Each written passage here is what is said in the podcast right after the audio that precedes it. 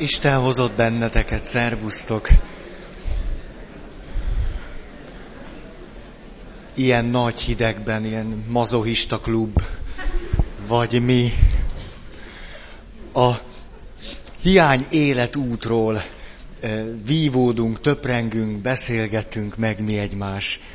Most már csak 5-6 mondattal szeretném azt a gondolatmenetet visszahozni, amit múltkor egy picit hosszabban ismételtem, mert most már nem látom ennek értelmét, úgyis bennünk van. Tehát valamiképpen arról van szó, hogy a szüleink, és aztán a nekünk fontos személyek, főleg minél kisebbek vagyunk, hiány motiváltak voltak, akkor előszeretettel kerültünk mi olyan helyzetbe, hogy az ő szükségleteik és hiányaik betöltése nekik egy adott pillanatban fontosabb volt, mint az, hogy a mi szükségleteinkkel foglalkozzanak. És ebből az adódott, hogy miután mi sokkal kiszolgáltatottabbak voltunk, mint ő vagy ők, ezért nyilvánvalóan nekünk kellett valamiképpen a saját szüleinkhez, vagy nekünk fontos személyekhez alkalmazkodni.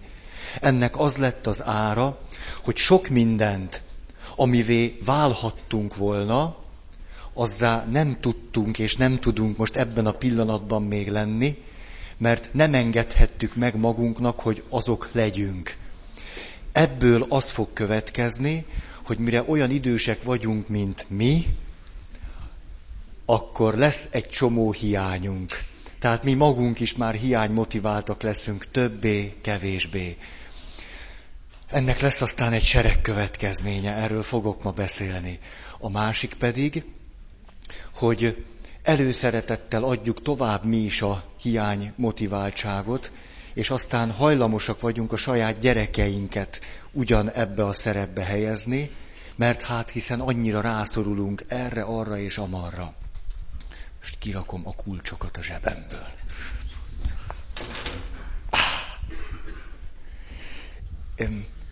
Aztán lesz egy másik következménye, ez pedig az, hogy a szüleink minél hiánymotiváltabbak voltak, mi nem csak annál hiánymotiváltabbak leszünk többé-kevésbé, hogyha ez a folyamat csak úgy a természet rendje szerint megy tovább, hanem miután minél több mindent nem engedhettünk meg magunknak, az a valaki, akiről azt mondom, hogy ez vagyok én, ez az én természetesen egy nagyon szűkös, sok értékes részétől megfosztott, lehasított, szűk, hiányokban vergődő, sebzett én lesz.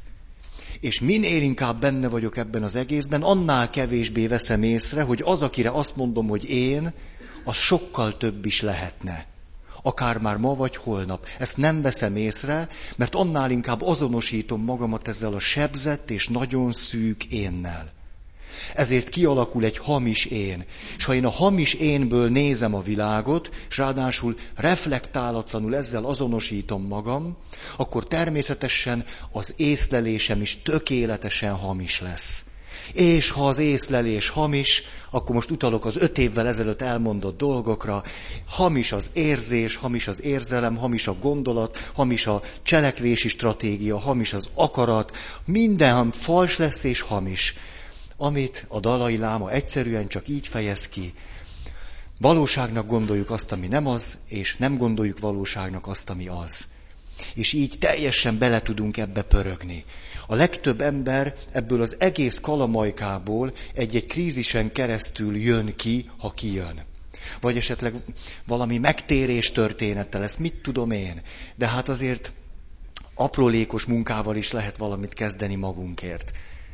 Ennyi a bevezető, ez több volt, mint öt mondat. Aj, már is nem teljesítettem egy ígéretet. És akkor arról kezdtem el beszélni, és ezt hamarosan be is fejezem. Jaj, jaj, jó, stram vagy máma. Tehát ilyen...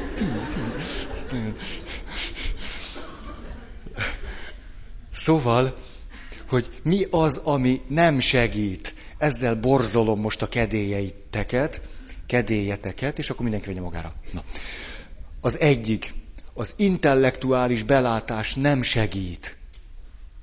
Egyszerűen azért, mert a sebződésünk, a hiánymotivált létezésünk előbb kezdődik, mint sem, hogy egyáltalán intellektuális belátásunk lett volna. Már magzati korban elkezdődhet. Ezért hiába látok be pusztán csak valamit, attól még nem föltétlenül gyógyulok meg. Minél szűkösebb, sebzettebb, hasadtabb, picinyebb ez az én, annál kevésbé gyógyít meg, hogy valamit belátok vagy megértek. Ugyanígy az sem fog segíteni önmagában, hogy kibeszélem. Jó, ezt annyira szeretjük. Van valaki, és akkor kibeszélem. Persze, sok mindenre nagyon jó az, hogy elmondom. Ismerek egy valakit, a szívem facsarodik meg érte. Komoly nehézségeken, mondjuk így traumákon ment át gyerekkorában.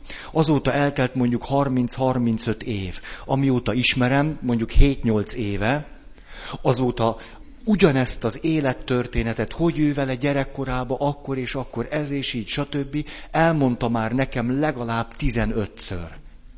Bármilyen társaságban vagyunk, ő ennek az élettörténetnek valamilyen részét el fogja mondani. Már mindenki kívülről tudja az összes eseményt, amit ő neki át kellett élnie gyerekkorában. És ettől még önmagában nem gyógyul meg. Mert Haha, de most a megoldást még nem mondom. Aztán attól még önmagában nem gyógyulunk meg, nem tudunk elkezdeni fejlődni és növekedés motiváltan élni, hogyha mindazt a nehézséget, ami itt van benn, kivetítjük és kimpróbáljuk megoldani. Ugye erre hoztam jó pár példát van egy nehézségem, eszem ágába sincs azzal foglalkozni, vagy nem merek, vagy nem tudok, vagy még azt se tudom, hogy mi az a nehézség. De kint harcos elkötelezettje vagyok annak, hogy végre a prostitúciót legalizáljuk minden eszközzel, és ne kelljen azoknak a nyomorult prostituáltaknak szégyenkezni a társadalmilag oly hasznos tevékenységük miatt és ezért én fölvonulok, és plakátokat ragasztok, és, és, na most itt, hmm, nehogy politizálásba fulladjak. Ezt nagyon el szeretném kerülni. Tehát nem fog segíteni önmagában, hogy kint oldjuk meg, ami bent van. Aztán az ítélkezés nem segít. Hmm, miért is segítene? Sem magam fölött, 25-ször elmondhatom, hogy bűnös vagyok, rossz vagyok, én rontottam el, nem csak az anyám hibás, hanem én is. Na és akkor mi van? Tehát oda-vissza ítélkezhetünk egymás fölött, nem fog meggyógyítani. Ugyanígy ennek, a, ennek az ellentéte, hogy akkor meg liberalizáljunk, mint látszik, hogy a szó is kicsit gyanús nekem. Kis madárka szállj el. Szóval,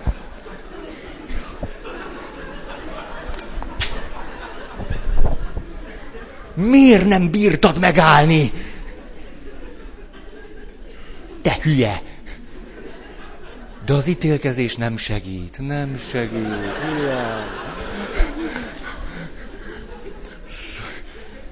Jaj, hát ha most félre akarjátok érteni, értsétek. Én csak annyit akarok ezzel mondani, hogy azzal, hogyha annak a drága, kedves prostituált barátunknak föloldjuk az összes szégyenét, bűntudatát, mindent, és azt mondjuk, hogy, hogy legyen szabad, ne kelljen neki, és ne csak meghatározott területeken, hanem mindenhol marhára lehessen. Hogy ezzel majd ő meggyógyul. És akkor erről beszéltünk, nem gyógyul meg. Egyáltalán nem, mert attól, ami miatt ő ezt most továbbra is csinálja, mint a traumájának, a földolgozásának egy eleve sajátos megoldás, aminek sose lesz vége, ettől ő nem fog meggyógyulni. Tehát ezt példának szántam. Madárka, gyere vissza, szállj arra, akire akarsz. Aztán a régi sémák ismételgetése hallatlanul nem segít. Na ezt szoktuk csinálni halálunkig. Végtelenségig. A gyerekkori dolgainkat ismételjük új és új emberekkel, új és új partnerekkel, új és új házastársakkal, aztán már a gyerekeinkkel, és akkor 70-80 évesen pedig mi más marad nekünk, mint a vallás. És akkor bemegyünk a templomba, előkeressük az 50 éve lerakott rózsafűzért, és akkor vallásos néniként fejezzük be pályafutásunkat, és nem értjük, hogy miért nem segít ez se rajtunk. De amikor imádkozom, az legalább egy kis enyhülést ad. Persze, mert azzal is el lehet terelni a lényegről a figyelmemet. És akkor a vallás, a valóság elől elrejtőzés egyik legzseniálisabb útja. A, az, amikor már idősödünk, talán a legjobb módszer. Tehát még 60-70 éves korunkig próbálunk okoskodni. 70 éves korunkban már nem nagyon van miből. Nem, hát már kicsit úgy. Akkor rájövünk, hogy most már olyan nagyon nem tudunk okoskodni, már végig okoskodtuk az 70 évünket, akkor vallásosak leszünk. Leporoljuk a szűzanya szobrot, be, na, szűzanya, neked se volt könnyű. Te szívedet is mennyi tör járta át. Bezzeg az enyémet. Na ezt hallgassd meg, és akkor... Szóval nem tudom, hogy ez valakin segíte. Hanvas Bélának sokszorosan igaza van abban is, hogy a vallás a léthazugság egyik legzseniálisabb módszere, ha valaki arra akarja használni.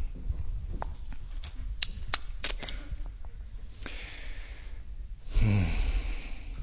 Itt van egy nehézség. Az, hogy miután tele vagyunk hiányokkal, a társkapcsolataink is ezekből a hiányokból fakadnak, ezért már előre borítékolni lehet azt, hogy ha én valamicskét is fejlődök a társkapcsolatomban, amelyben többé-kevésbé hiánymotiváltan léteztem a kezdetek kezdetén, akkor ezt a kapcsolatot bizonyos szempontból ki fogom nőni. Hmm, de rossz nektek. Mert ebből az adódik, amit látunk, hogy annak, akinek nincs még, az is elvétetik tőle, amiről azt gondolja, hogy van neki. Van ilyen élményetek? Jaj, de most annyi szenvedés van emögött, hogy inkább, inkább összehúzom magam, és, és annyira világos, hogy semmi más nem kerekedhet ki abból, hogy amikor hiánymotiváltan találok társat, akkor a sebzettség a sebzettségre rátalál. Valamilyen formában tuti. Na most, ha elkezdek fejlődni, akkor egész biztos, hogy az a kapcsolat úgy, ahogyan most van, nem lesz elég nekem. De nem a partnerrel van a baj, hanem csak azzal, hogy ahogyan így mentek eddig a dolgok, az már úgy nem lesz jó nekem. Lehet, na, sok mindent lehet még azzal kezdeni. De ezért e- eleve borítékolni lehet, hogy a sebzett embereknek a társkapcsolatai is előbb-utóbb ebben nincs semmi rendkívüli. Hm. A szenvedélybetegség nem segít. Öm, hát ide tehetünk mindenfélét, tehát anyagok, szerek, tárgyak, ezek nem segítenek rajtunk. Ha szabad visszautalnom a, a, a csúcsélményekre, amikor átéljük a csúcsélményeket, akkor van egy nagyon fontos döntési helyzetünk. Ez pedig az, hogy mihez ragaszkodom. Ahhoz, amit a csúcsélményben megéltem, és amit ennek kapcsán már tudok magamról, a másik emberről, Istenről, meg a világról, és ehhez akkor is tartom magam, ha éppen rosszul érzem magamat. Vagy pedig magához az élményhez ragaszkodom. A szenvedély beteg az, aki mindig úgy dönt, hogy hiába élte már át azt mondjuk három liter bor után, hogy mégse annyira rohadék, és mégse olyan rossz a világ, és végül is van benne valami szerethető, amikor megint rosszul érzi magát, akkor nem ahhoz ragaszkodik, amit tud, hogy mégis szerethető vagyok, nem vagyok olyan rohadék, és a világ nem egy olyan szörnyű hely. Nem ehhez a fölismeréshez ragaszkodik, és nem ebből kezdve indítja el tovább a következő napját, hanem az érzéshez ragaszkodik, amit az alkohollal tud megszerezni. Ez mindig egy döntéshelyzetünk, és nem kell szenvedélybetegnek lenni ahhoz, hogy minden nap egy csomószor ne kerüljünk ilyen döntéshelyzetbe. Hogy mihez ragaszkodunk ahhoz, hogy tudom, hogy ki vagyok, annak ellenére, amit most átélek, vagy amilyen érzések most vannak bennem. Vagy pedig az érzés kell. Ha nekem az érzés kell, akkor végtelen módon kiszolgáltatott leszek, szenvedélybeteg. És akkor ennek van kulturálisan elismert formája, például iszonyú sok pénzt kell keresnem, hogy állandóan iszonyatosan drága dolgokon keresztül meg tudjam élni azokat az érzéseket, amelyek elfeledtetik velem azt, hogy amikor rosszul érzem magam, fogalmam sincs, hogy ki vagyok. És akkor majd olyan világban élünk, hogy mindenki keresi azt, hogy ki vagyok, ki az én hiteles énem, ki is vagyok én, mi, mi az én autentikus önazonosságom. Na már most, ha te, neked csak annyi pénzed van, hogy mindig csak a tucat terméket tudod megvenni, akkor nem áltathatod magadat a birtoklás révén azzal, hogy te mégiscsak egyéni vagy és szeretetreméltó. Ezért neked iszonyú sok pénzt kell keresni, hogy mindenképpen egyéni designer dolgokat tudjál vásárolni.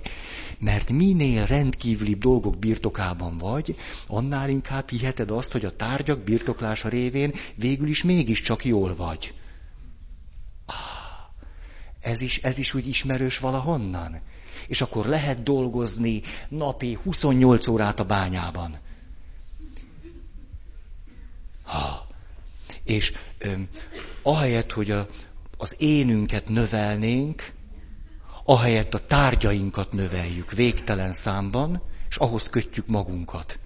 És aztán ez mindig így van, mindig az élvezetek annyira, jaj, de jó lenne, ha le lehetne velük állni. De nem lehet. Mert ami tegnap jó volt, ma már nem elég. Ah, ez valahogy mindig így van. A növekedés motivált embernek elég annyi ma, amennyi tegnap. Néha még kevesebbel is beéri. De a hiány motivált ember pont fordítva működik. Ah, és az egész életünket egy ilyen nyomorult, pénzkereső gépként éljük le. Jaj! Olyan nagyszerű, hogy be tudtátok fejezni ma a munkát. Valahogy ide értetek, de jó. Természetesen ezek az egyéni, szörnyűséges helyzeteink nem oldhatók meg pusztán csak azzal, hogy mi döntünk valahogy. Én ezt jól tudom, hogy van közösségi felelősség, meg hogy vannak nehézségek, amelyeket az egyes ember nem tud megoldani. Ezt jól tudom. Nem akarok rátok olyat tenni, amit, amit ne vegyetek magatokra.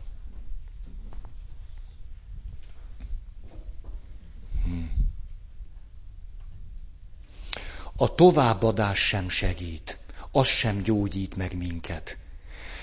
Fúha. Elmondok nektek egy szomorú történetet, mondjuk mondjunk el egy csomó szomorú történetet, az annyira jó. Ez a szomorú történet egy, egy, egy klasszikus, tipikus életút. Van mondjuk egy kisgyerek. A kisgyerek olyan, a szülei úgy bánnak vele, hogy nem fogadják el, nem szeretik, tíriríridik. Szóval egy ilyen klasszikus helyzet. Ő ebből az egészből csak annyit él meg, hogy ő, ő vele valami baj van, őt nem szeretik, ő rossz. Amikor felnőtt lesz, hát valahogy megpróbál élni. Végül is csak megházasodik, csak születik egy-két gyereke. De miután az egész folyamatra nem látott rá tudatosan, a saját gyerekeinek úgy visszaad mindent, mint a sitc hiszen hát ő is hiány motivált. A gyerekeivel próbálja betöltögetni a saját hiányait. Ezért aztán mi lesz vele, amikor idős lesz? A gyerekei utálni fogják. Ezért aztán ez a kedves néni és ez a kedves bácsi hihetetlen magányosan fog meghalni. És azt fogja átélni az életében, hogy iszonyú sok pofont kaptam igazságtalanul gyerekkoromban, Magam se értem miért, azért jó sok pofont visszaadtam középkorúként. Hát az lenne az igazságos, hogy most vagyok nullán. Hm? De nem így történik, hanem az egész visszacsapódik rá, és jó magányosan, jó egyedül, jó szerencsétlenül hal meg. És mi papok járunk reggeltől estig ezekhez a kedves nénikhez. És nincs velük már sok mindent tenni. Olyan szomorú ez, mint a fene.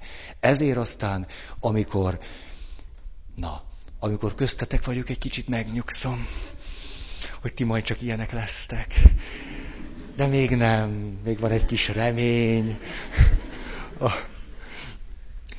Szóval tényleg, szóval hallgatni ezeket, a, ezeket az idős néniket, idős bácsikat nagyon megrendítő ám.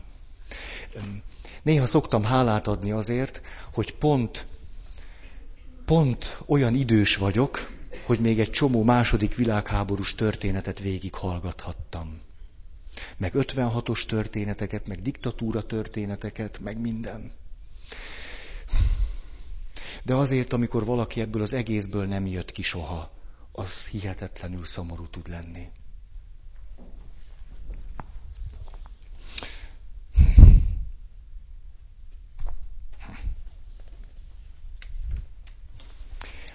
Na most, ezzel ezt a részt befejeztem. Hogy leírjam, hogy milyen egy hiánymotivált ember életútja. Ezzel a nagyon szép, happy endes befejezéssel zártuk. Na, öm, mi az, ami segíthet? Nyilván, amiről azt mondtam, hogy ez minden segít, az valamennyire segíthet. Ideig, óráig, egy-egy pillanatban. Nem vagyunk tökéletesek, hogy rögtön csak a legjobb módszerekkel tudjunk élni. Ez világos. De ami igazán segíthet az az, hogy merjük átélni azokat a fájdalmakat, amelyeket akkor nem merhettünk, nem tudtunk átélni, mert nem voltunk hozzá elég erősek, amikor azok velünk történtek. Ezt látom többé-kevésbé nem egyedüli, de egy nagyon nagy lehetőségnek, amihez nem kell se okosnak lenni, se ügyesnek, semmilyennek, többé-kevésbé minnyáján alkalmasak vagyunk rá. Hogy kis segítséggel, nagy segítséggel belemerészkedjünk azokba a fájdalmakba, amelyeket még nem éltünk át, csak annak legfőjebb a felszínét. Ezért a neurózis és a depresszió az nagyon nagy lehetőség. Mert azt üzeni nekünk, hogy ezek mögött fontos dolgok rejlenek. És a, a lélek még mindig azzal akar bennünket gyógyítani, hogy valami tünetváltással, valami neurotikus tünet együttessel, vagy a depresszióval megpróbál minket megóvni az eredeti fájdalmainktól. Ezért van. Ha mi okosabbak vagyunk, mint a depressziónk, és azt mondjuk, hogy jól van, jól van, de mit takargatsz nekem? A neurotikus tüneteink mit akarnak, mitől akarnak bennünket megóvni? Ha belemerünk ebbe menni, akkor egyszer csak van esélyünk a gyógyulásra. De ez mindenképpen érzelmi munkát igényel, és fájni fog. Ezen mindig, szóval ezen is olyan sokat szoktam töprengeni. Lehet, hogy ma egyetlen jó történetem se lesz, csak ilyen izé, végén ilyen összeaszottként fogunk itt ülni. Majd, majd próbálok valamit komolyan, nyilván már most töprengek egy jó történeten, de nincs. Szóval, hogy annyira kár, hogy na, kár, hogy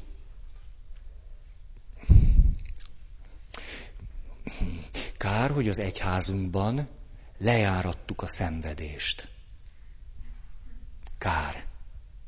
Hogyha a szenvedésnek pontot lenne a helye az egyházban, ahova való, beleértve Krisztus szenvedését is, meg az összes ige hirdetésünkben a szenvedésről pont úgy beszélnénk, ahogy kellene, azzal sokkal többet segíthetnénk bárkinek, hogy a szükséges szenvedéseket tudják, meg akarják, meg bírják vállalni. Azt hiszem, hogy egy picit lejárattuk, vagy nagyon ezt a szót, hogy, hogy szenvedés, vagy hogy szenvedni kell. Hú, de borzasztóan hangzik. Azt hiszem, hogy ebben mi ludasok vagyunk. És ezért, amikor ugye már ég a ház, és akkor kiáltjuk, hogy de ég a ház, már senki se hisz nekünk. Lehet, hogy egy lélektani szakembernek előbb elhiszitek, hogy valamikor szenvedni kell, mint egy papnak. Mert mint hogy a papnak ez lenne a szakmája, hogy ezt így én burkoltam, vagy nyíltan ezt mondogatja, hogy szenvedni kell. De nekem nem ez a szakmám. Szenvedjen a fene. Csak a... Na, csak annyit, amennyit muszáj. De hát annyit meg nem.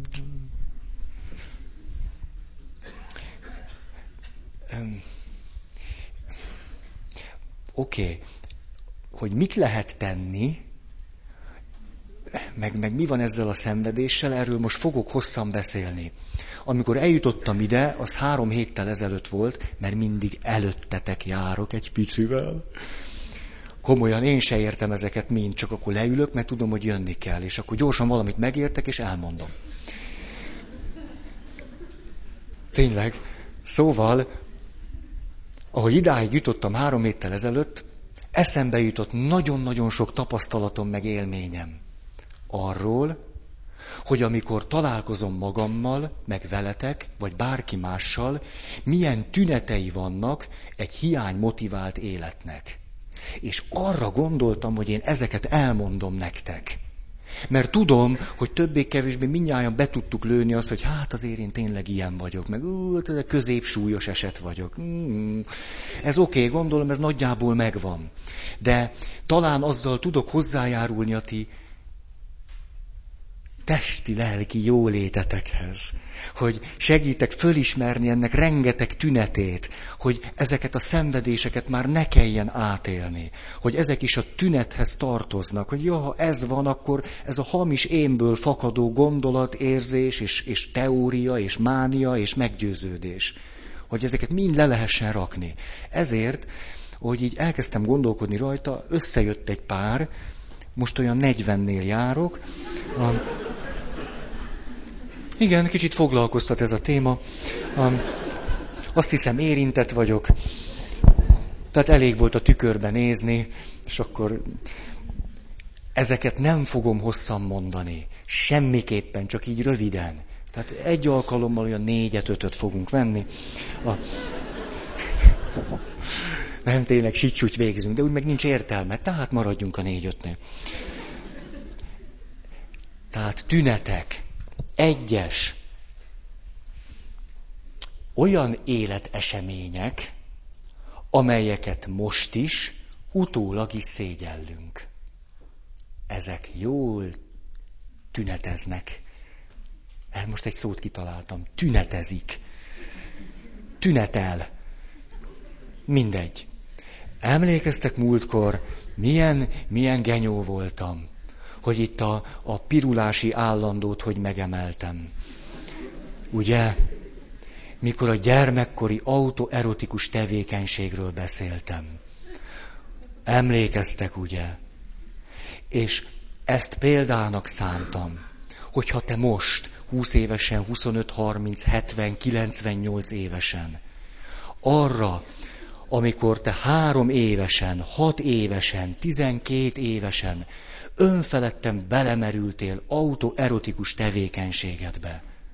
Hogyha te erre még most is piruló füllel gondolsz vissza, ez ékes jele és tünete annak, hogy te ezzel a dologgal még nem békéltél meg. Hogy te ezt még mindig pontosan ugyanúgy szégyelled,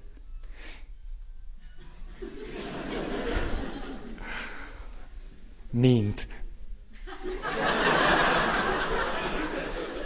Carl Gustav Jung nagyon fontos dolgokat ír a szinkron jelenségekről. Majd hazamegyek, és ezt átgondolom. Szóval,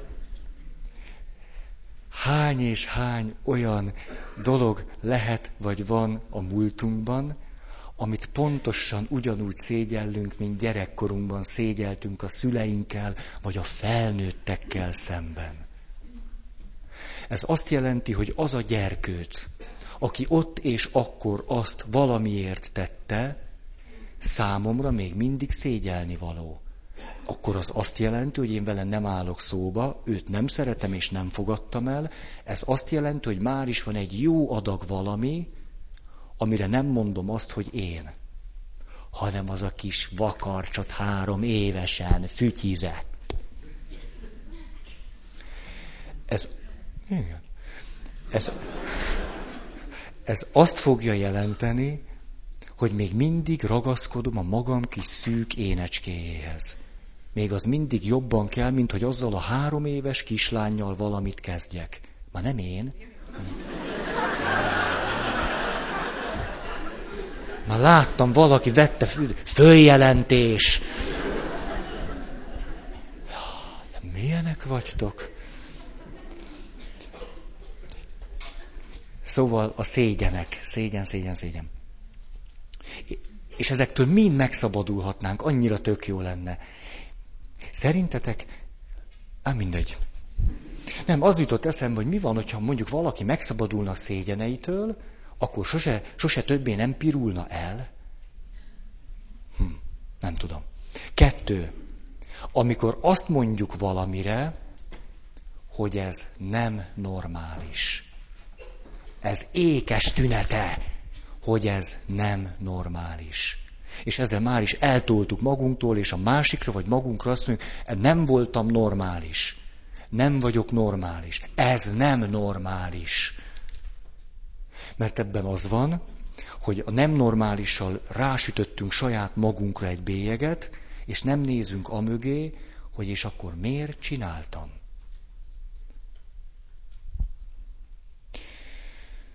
amikor valamire azt mondom, na, fölteszek egy költői kérdést. Ki szokta nekünk azt mondani, hogy ez nem normális?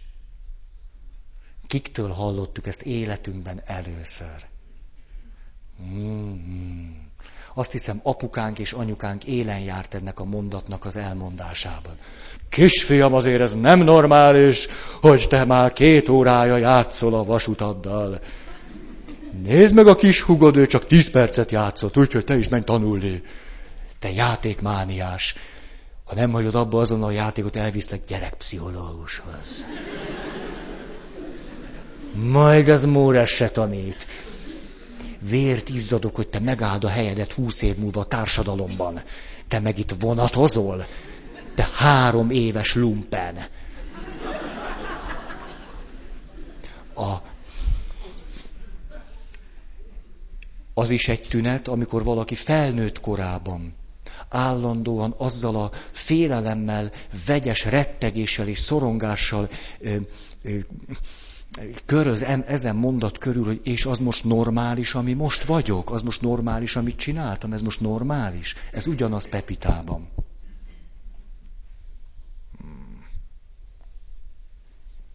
Ha, nem tudok elszakadni az önkielégítéstől. Tényleg ide van írva. Azért, mert eszembe jutott az, hogy amikor eszembe jutott az, hogy mi lenne, hogyha éppen az önkielégítést hoznám példának, akkor eszembe jutott az, hogy nektek mi fog eszetekbe jutni arról, ha én pont az önkielégítést hozom majd példának. És amikor ez eszembe jutott, akkor elpirultam otthon. És akkor az jutott eszembe, hogy nektek biztos az jut majd eszetekbe, hogy Feri atya, dumálhatsz akármit. És akkor meg az jutott eszembe, hogy akkor nektek erről az jut majd eszetekbe, hogy na papok, meg tűdüdüdüdü. És akkor viszont az jutott eszembe, hogy miért érdekeljen engem az, hogy nektek az jut majd eszetekbe, hogy? És amikor vállaltam azt, hogy eszembe juthat nekem az, amiről nektek az jut majd eszetekbe, hogy akkor úgy döntöttem, hogy én ezt most integrálni fogom, és akkor akármi is jut majd nektek az eszetekbe, én elmondom, hogy nekem mi jutott az eszembe. És így már is megszabadultam egy szégyenemtől.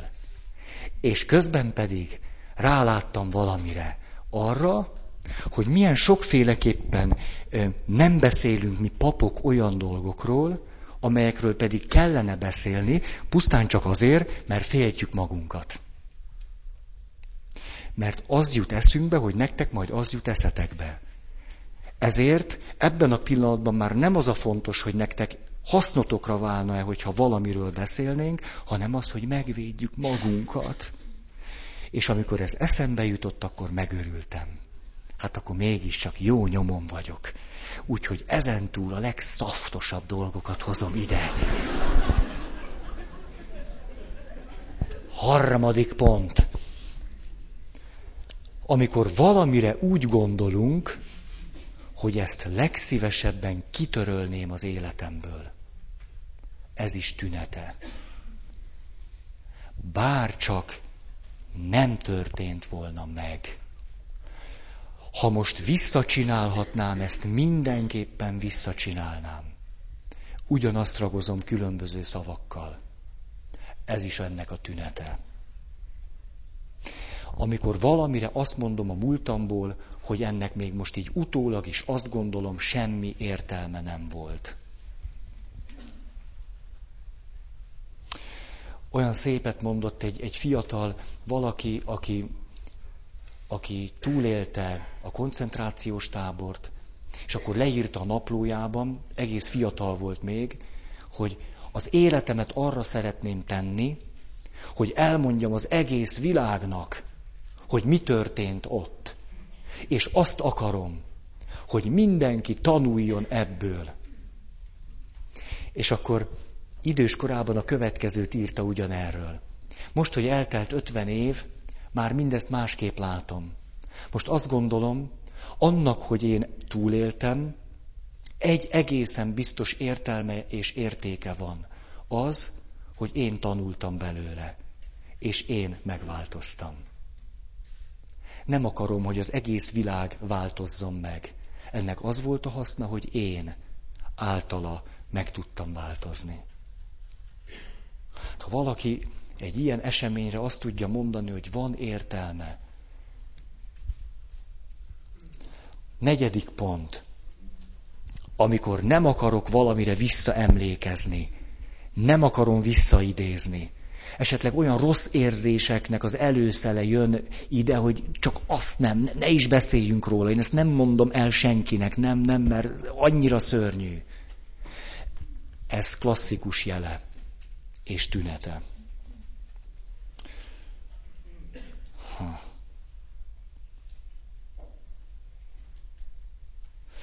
A feldolgozatlan szülő kapcsolatainkból aztán feldolgozatlan társkapcsolatok fognak fakadni. Általában így szokott történni. A...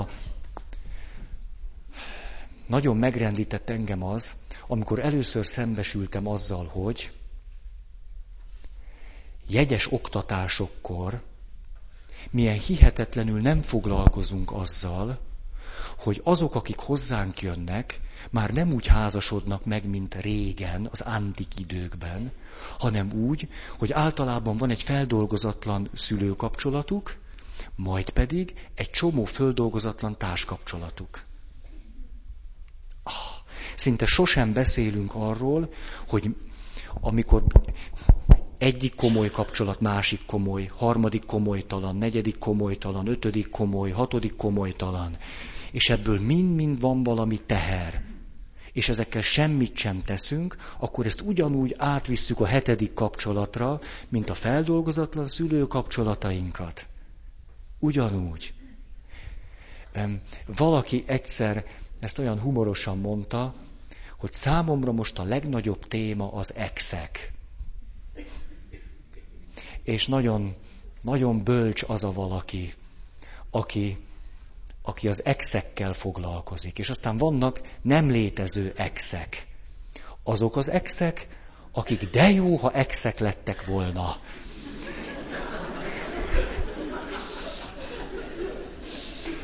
Mielőtt az a valaki, aki közületek hihetetlenül megtartóztatván magát, első szerelmét elvette, akkor ő neki lehet, hogy van egy csomó olyan nem ex-exe, akik ugyanúgy földolgozatlanul ott tornyosulnak az életében, akikkel nem jött össze. Ah, és amikor végre összejön valakivel, na hát akkor, mm, akkor abból kipasszírozza az összes olyan álmát, vágyát, mindenét, amit öt össze nem jött extől várt volna és szenvedett végig. Azokat a egészen irreális sérelmeket, amelyeket azokból a kapcsolatokból szerzett, amelyek nem is jöttek létre. Gyagyának tűnök? Egy kicsit.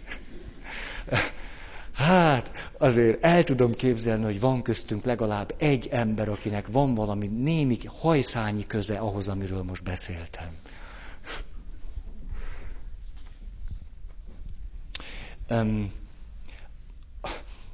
Az exek és a nem létező exek földolgozása az vagy úgy nem történik meg, hogy túlterhelem azt a valakit, aki megvan, vagy pedig úgy, hogy agyon idealizálom. Az összes ideál képet, amit így hurcoltam egyik emberről a másikra, puf, végén rárakom arra, arra nyomorultra. Itt már csak ízlés kérdése, hogy ez a történet hogyan megy tovább. Tehát vagy úgy, hogy tökéletesen alávetem magamat neki, és emiatt nem lesz köztünk normális kapcsolat, vagy pedig én akarom őt magam alá gyűrni, és emiatt nem lesz. Hm.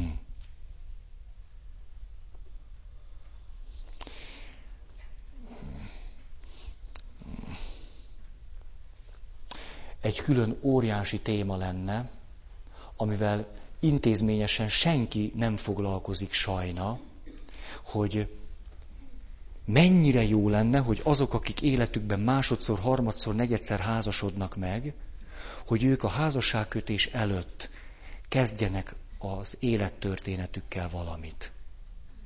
De jó lenne, hogy ennek lehetne valamilyen intézményes keretet találni. De marha jó lenne. A, a következő kapcsolat nem lenne agyon terhelve. Nagyon sok mindenre a felnőtt ember életében semmilyen intézményes keret meg lehetőség nincs. Ez nem biztos, hogy annyira jó. Öt. Amikor elkezdünk félni valamitől, hogy az, ha kiderül, akkor majd abba belepusztulunk. Minden olyan életesemény, amelyre úgy gondolunk vissza, hogy ha ezt mások megtudnák, abba én beledöglenék, vagy az nagyon-nagyon ciki lenne, akkor nem tudnék tovább élni. Jaj, akkor mi lenne velem? És ezért rengeteg lelki energiát fordítunk arra, hogy ezt valahogy magunkba tartsuk, és soha senki, csak nehogy kiderüljön. Vannak ilyen, ilyen események az életetekben? Itt lehetnek kis dolgok, nagy dolgok. Ha gyerekkori, akkor valószínű, hogy, hogy, hogy dehogy voltatok ti abban hibásak. Gyerekek voltatok. De ezeket is át tudjuk így élni. Csak ki ne derüljön az, hogy bepisiltem az oviban. Me- megszégyenültem, megsemmisülnék, ha kiderülne, hogy az általános iskolában egyszer bekakiltam. Ezt soha senkinek nem fogom elmondani. Még a házastársam se tudja, hogy én egyszer 12 évesen kakiltam be. Mert ha ez kiderülne, végem lenne.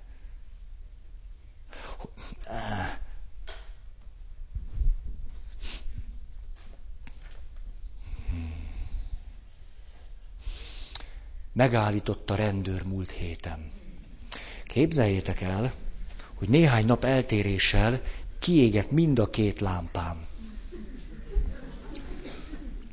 És miután téli időszakban vagyunk, ezért az idő nagy részét csak lámpával való közlekedéssel lehetne megoldani, ha valakinek égne mind a két lámpája, de nekem egyik se égett, de van helyzetjelző, ami arra jó, hogy engem lehet látni nagyítóval, távcsővel, izével, ilyen éjjel látó izé, tehát az összes amerikai katona látja, hogy jövök.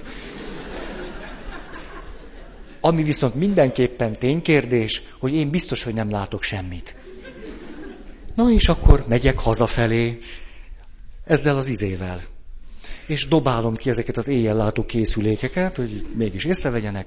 Na, És egyszer csak a rendőr megállít. Nagyon kedves volt. Azt mondja, jó napot, nem jó napot, tehát este volt. Jó estét kívánok. Kapcsolna egy világítást?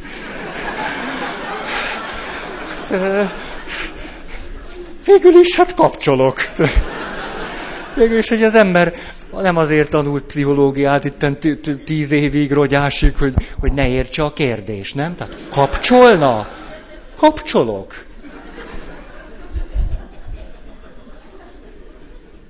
Kapcsolt? Ha kapcsoltam.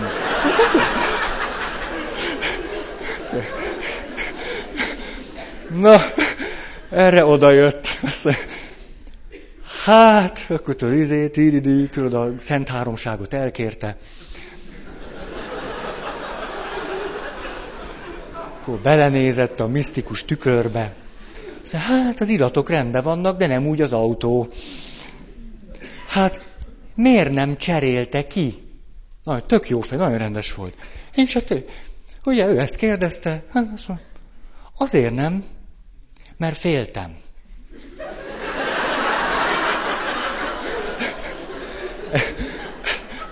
Pál úr, mitől félt?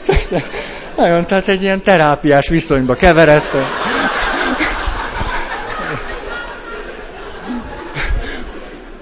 Ez azért jó, mert ez ismerős. És tudjátok, itt már nyerekbe voltam. És itt már, itt már tudom mi, hogy megy. Mondom, féltem. Mitől? Tudja, attól, hogy ebben a kocsiban én még sosem cseréltem ki azt a két első körtét. Körtét? Pál úr, az autóban nincs körte. Ha csak nem vásárolunk a piacon, mondta a rendőr. Izzó, izzókészlet, izzó. Ön az izzót nem cserélt. Igen, én azt nem cseréltem ki, mert féltem, hogy elrontok valamit. Tudja, én ezt az autót annyira szeretem, hogy félek, hogy elrontok benne valamit.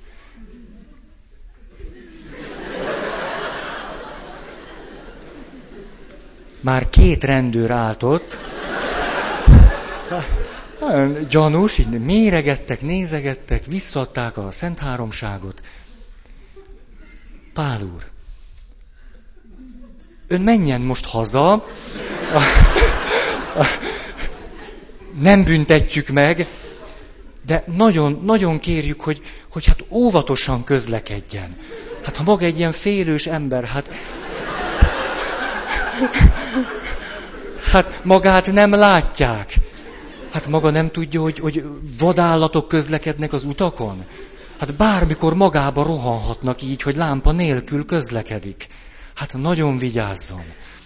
Se egy szóval, hogy akkor próbálja meg kicserélni, vagy, vagy szerelő, vagy semmi. Tehát, hogy, hogy menjen óvatosan, reméljük, hogy semmi baja nem lesz. Mennyi együttérzés van a rendőrökben. Látjátok. Jaj, aztán szabad napomon elvittem a szerelőhöz. Képzeljétek. Mert nem mertem kicserélni a körtét. De erről eszembe. Mindig volt egy edzőm, rúdugró edző. Ugye, mikor már, mikor már elég nagy fiú voltam, akkor azt mondták, hogy na jó, elég a nyolc próbából legyen tíz próba. Na, vegyük elő azt a rudat. És akkor ennek az edzőnek az volt a mániája, hogy mikor azt mondta, hogy na, akkor kimérte a neki futást, és akkor kimértem. És akkor, akkor miért nem álltál bele? Azért, mert nem volt jó a rohamom. És az atlétikában nincs roham. Nincs, hanem nekifutás van. Nincs roham. Roham a hadseregnél van.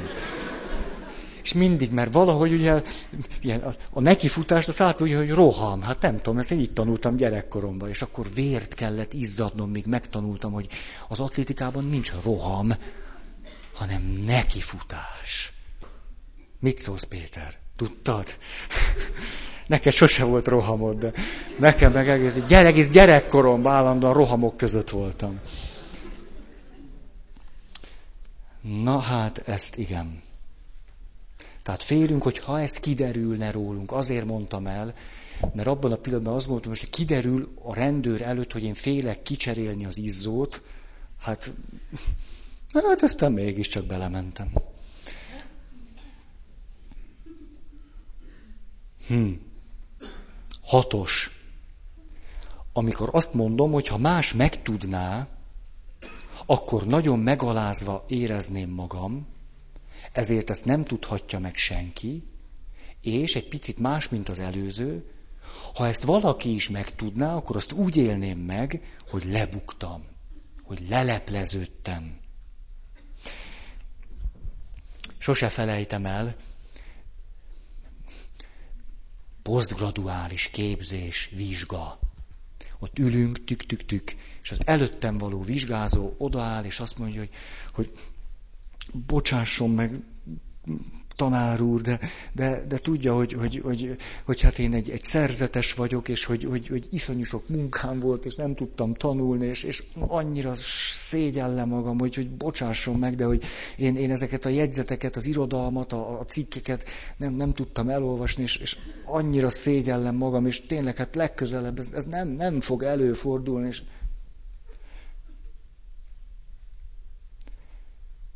Kedves atya, ez egy felnőtt képzés. Mondja azt, hogy nem volt rá időm, és ezt én megértem. De miért kell emiatt szégyenkezni? Miért kell szabadkozni? Miért kell siránkozni? Miért kell itt szabódni? Kedves atya, miért szorong itt? Ön felnőtt ember, aki egy felnőtt képzésre jár, és úgy döntött, hogy más feladata van. Azt felelősséggel megtette, erre nem jutott ideje. Akkor idejön, és azt mondja, nem volt rá időm. Erre én beírom az egyest, és kész.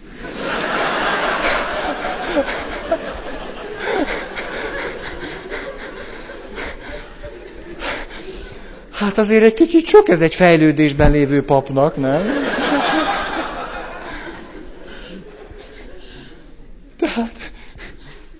Szóval tudjátok, én meg ott ültem, és azt mondtam, hogy anemióját, ez én is lehettem volna. Tehát, hogy egy hajszál választott el, hogy ezt most nem én csinálom. És hogy, hogy, hogy menj, na, jó van, nem okoskodok már, értitek úgy is már. Hét. Amikor saját családunkban, a saját gyerekeinknél túlzott mértékben másképpen akarunk mindent csinálni, mint ahogy velünk tették. Ilyen szorongva, görcsösen, csak, csak másképp, csak másképp. A... Mit gondoltok? Ha valaki minden erejével arra koncentrál, hogy a gyerekének egészen másképpen és mást és mindent adjon, mint ahogy ő azt nem kapta meg, gyerekkorában, akkor kiről felejtkezik el?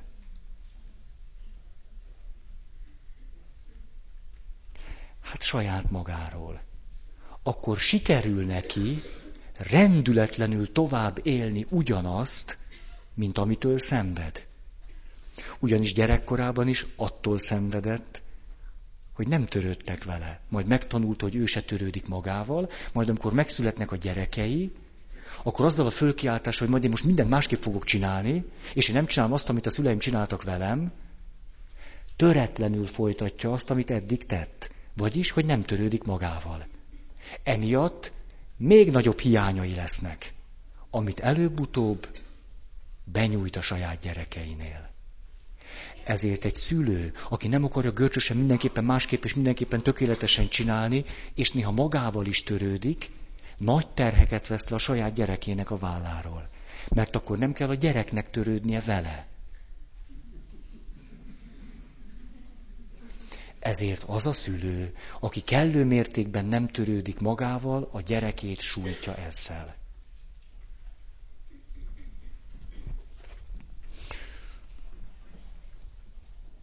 Ezért nincsen recept. Ezt olyan, jaj, jaj, lehet, hogy ti nem vagytok ilyen görcsösek. De egy, egy, egy rendes katolikus családban hány gyereknek kell lenni? Milyen időközönként szülessenek egy rendes katolikus családban a gyerekek? Mennyi időt lehet kihagyni egy rendes katolikus családban úgy, hogy az még rendes katolikus család maradjon? Lány után fiúnak kell születni, vagy jöhet egy másik lány?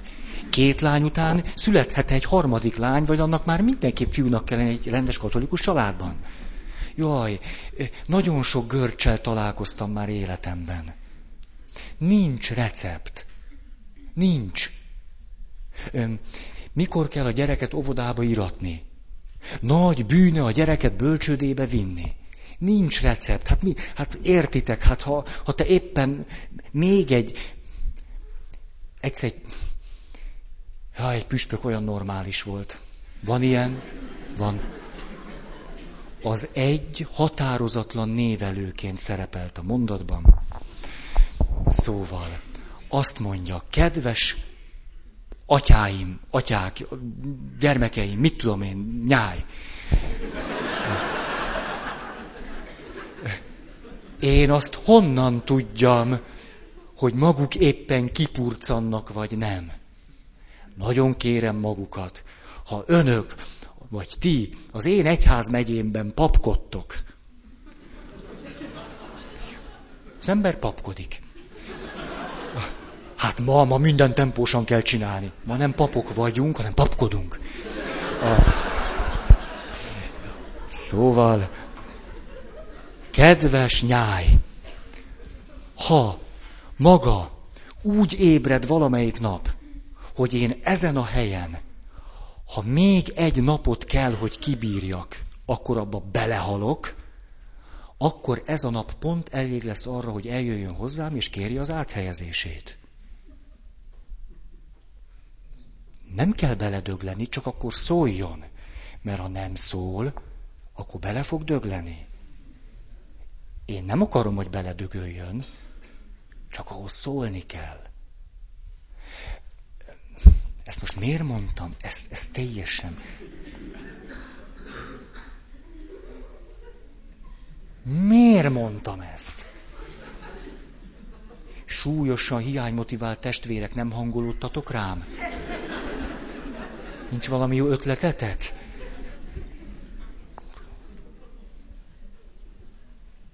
Ja igen, onnan indultam ki, hogy hogyha az illető egy kicsit foglalkozik magával, akkor nem terheli agyon azt a másik nyájat.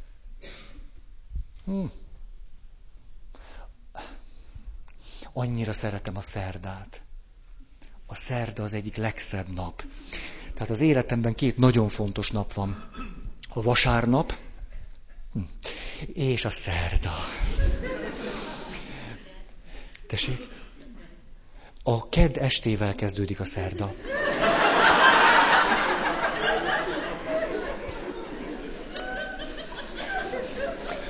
Zsidó napszámítás.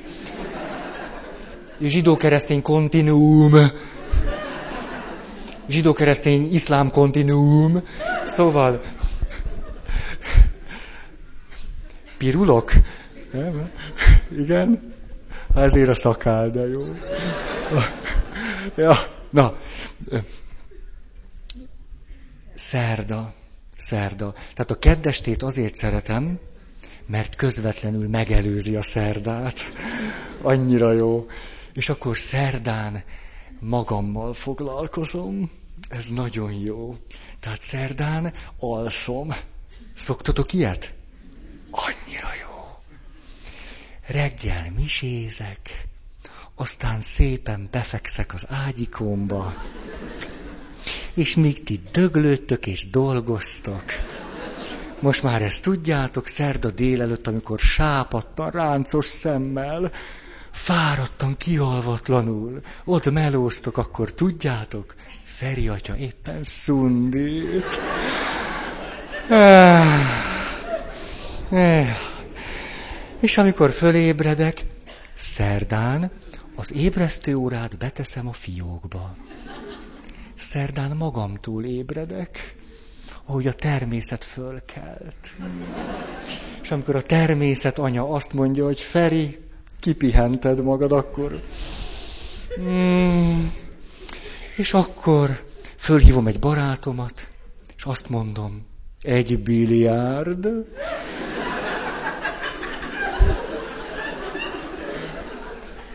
A többit nem is részletezem.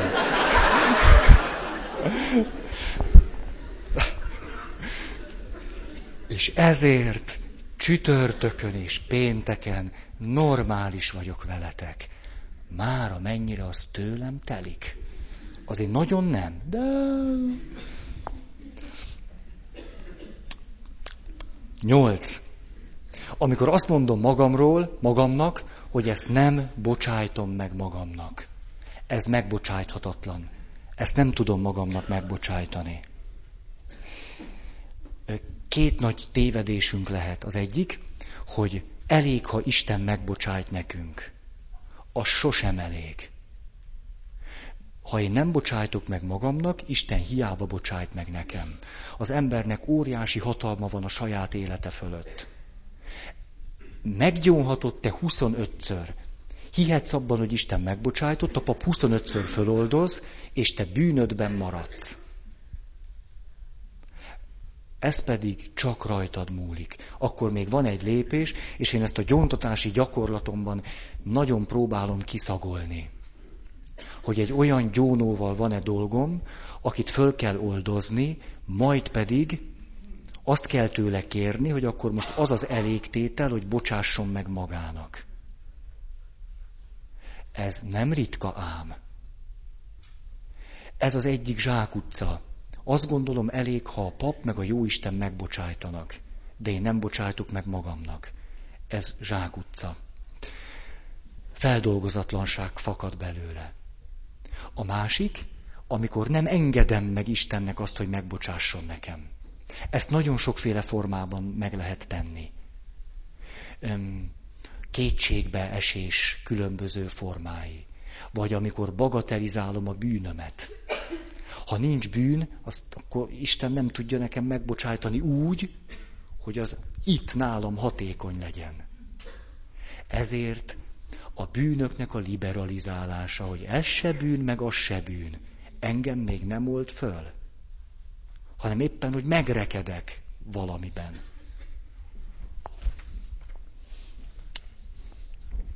Ez a nyolc tehát, mikor azt mondom, ezt nem tudom, és nem lehet megbocsájtanom magamnak. Olyat tettem, ez megbocsájthatatlan.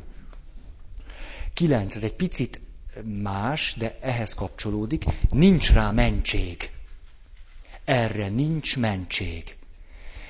A magyar nyelv nagyon sokat mondó. Amikor valaki azt mondja, hogy erre a dologra nincs mentség, akkor pontosan kifejezi azt, hogy ő a megváltásról nem tud és a megbocsátásnak a világába se lép be ezen ügynek a kapcsán, mert azt gondolja, hogy csak úgy tudna föloldozást nyerni ebben a helyzetben, ha mentséget találna rá. Akinek ez szavajárása szokott lenni, hogy erre nincs mentség, akkor itt pont, pont, pont, nem tudom, hogy a megbocsátás világában mennyire vagy akkor járatos. Igenis vannak dolgok, amelyekre nincs mentség. Van, de meg lehet bocsájtani. Nincs rá mentség, de fel lehet őt oldozni. Ilyen létezik. Amikor tudva és akarva, szánt szándékkal, direkt, mit tudom én, lehet, hogy arra nincs mentség, de van rá föloldozás.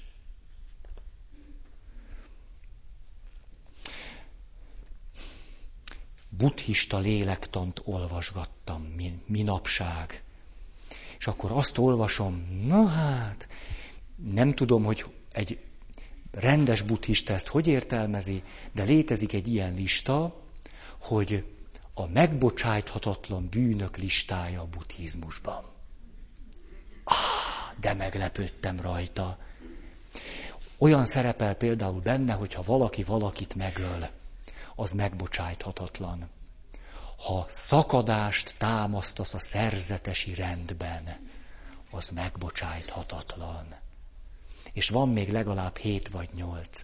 És akkor utána az értelmezés így szól, a megbocsájthatatlan bűn a buddhizmusban azt jelenti, hogy egy olyan cselekedet, amelynek mindenképpen karmája van, olyan visszahatás, ami alól nem tudunk mentesülni.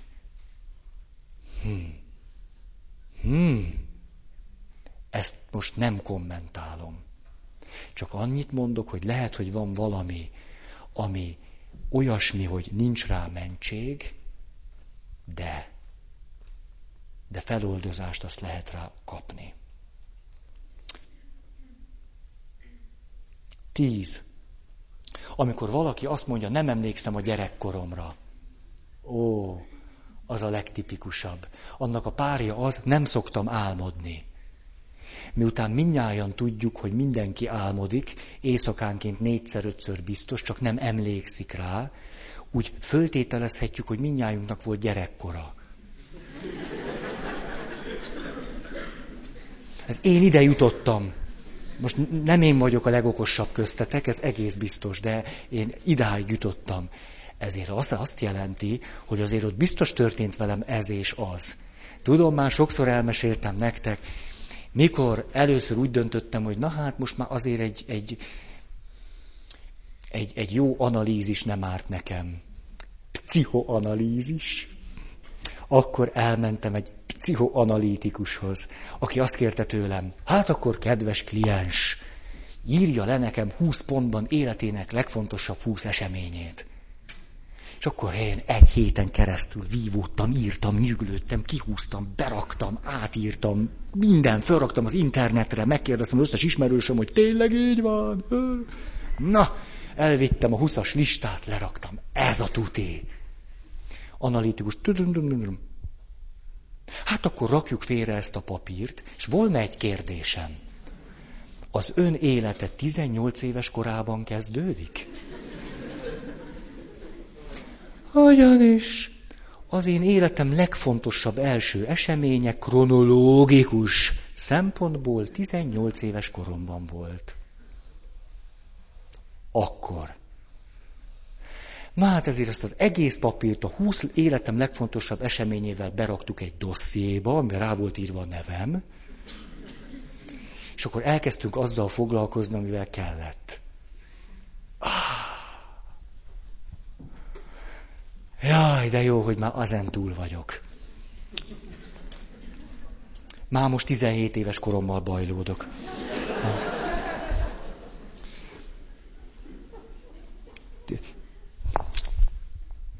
Már csak négy perc. Jaj, de jó, és akkor szerda lesz. Azt mondja, vannak emlékek, csúnya dolgok, de nincs hozzájuk kapcsolódó érzés. Vissza tudok idézni, vissza tudok emlékezni dolgokra, és ahogy azt én visszaidézem, annak a helyzetnek megfelelő érzéseket nem élek át. Amikor ezekről beszélek, ezek lehetnek nagyon komoly traumák, nem jön a traumához kapcsolódó érzés. Ez tipikus.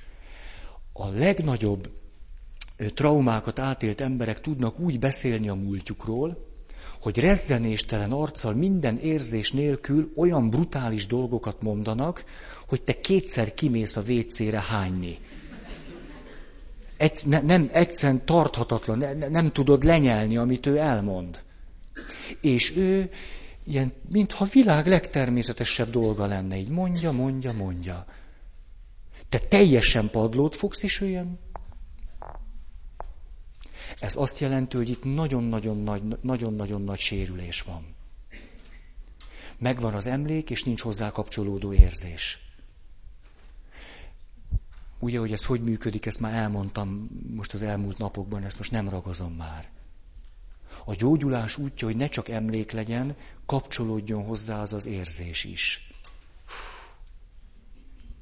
Tehát az nagyon nehéz. Eszembe jutott Moldova György az egyik novellájában írja azt, hogy egyszer jött hozzá valaki, és elmesélte az élettörténetét. És akkor azt írja, hogy, hogy én életemben ilyen szörnyű élettörténetet soha nem hallottam. Nem azért, mert ezzel az emberrel ilyen szörnyűségek történtek, hanem azért, mert ő olyan szörnyűségeket követett el élete során, hogy én teljesen padlót fogtam. Én ilyen emberrel életemben nem találkoztam. Azért ő egy pár emberrel találkozott élete során. És erre, mikor már köpni, nyelni nem tudtam, és ő befejezte, akkor megkérdeztem tőle, írja, hogy most mondja, uram, ezt az egészet miért mondta el nekem? A válasz így hangzott. Tudja, arra gondoltam, hogy az én élettörténetem nagyon hasznos lehet a fiataloknak, mert kell a fiatalságnak a példakép. Ez ennek a, a fonákja.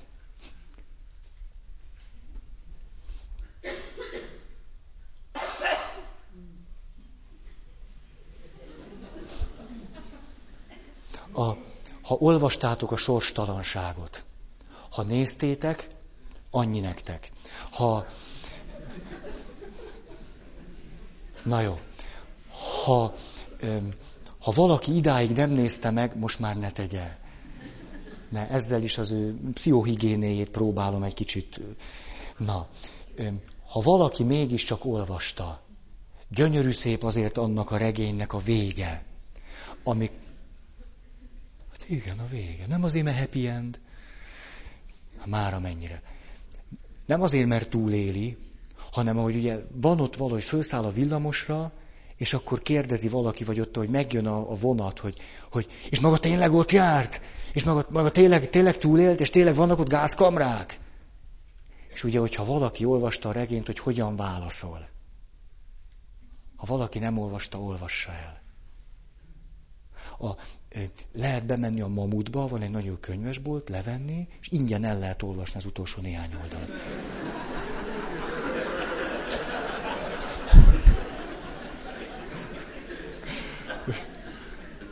Én ezt tapasztalatból mondom. Mert szerdánként a biliárd előtt előbb szoktam menni. Tényleg így van, a Mamutban nagyon jó biliárd szálon van, és van ott egy jó könyvesbolt, és az összes olyan könyvet, amit nem akarok megvenni, ott szoktam elolvasgatni. Nagyon jó. Nagyon. Ott vannak székek, ott, ott a harmadik szinten van két jó asztal, leülök, és nagyon, annyira jó könyveket olvastam már a Mamutban. Hihetetlen jó Isten, ha hazamegyek, és azt mondom, ma is spóroltam 5000 forintot. Na, akkor nektek jó munkát holnap.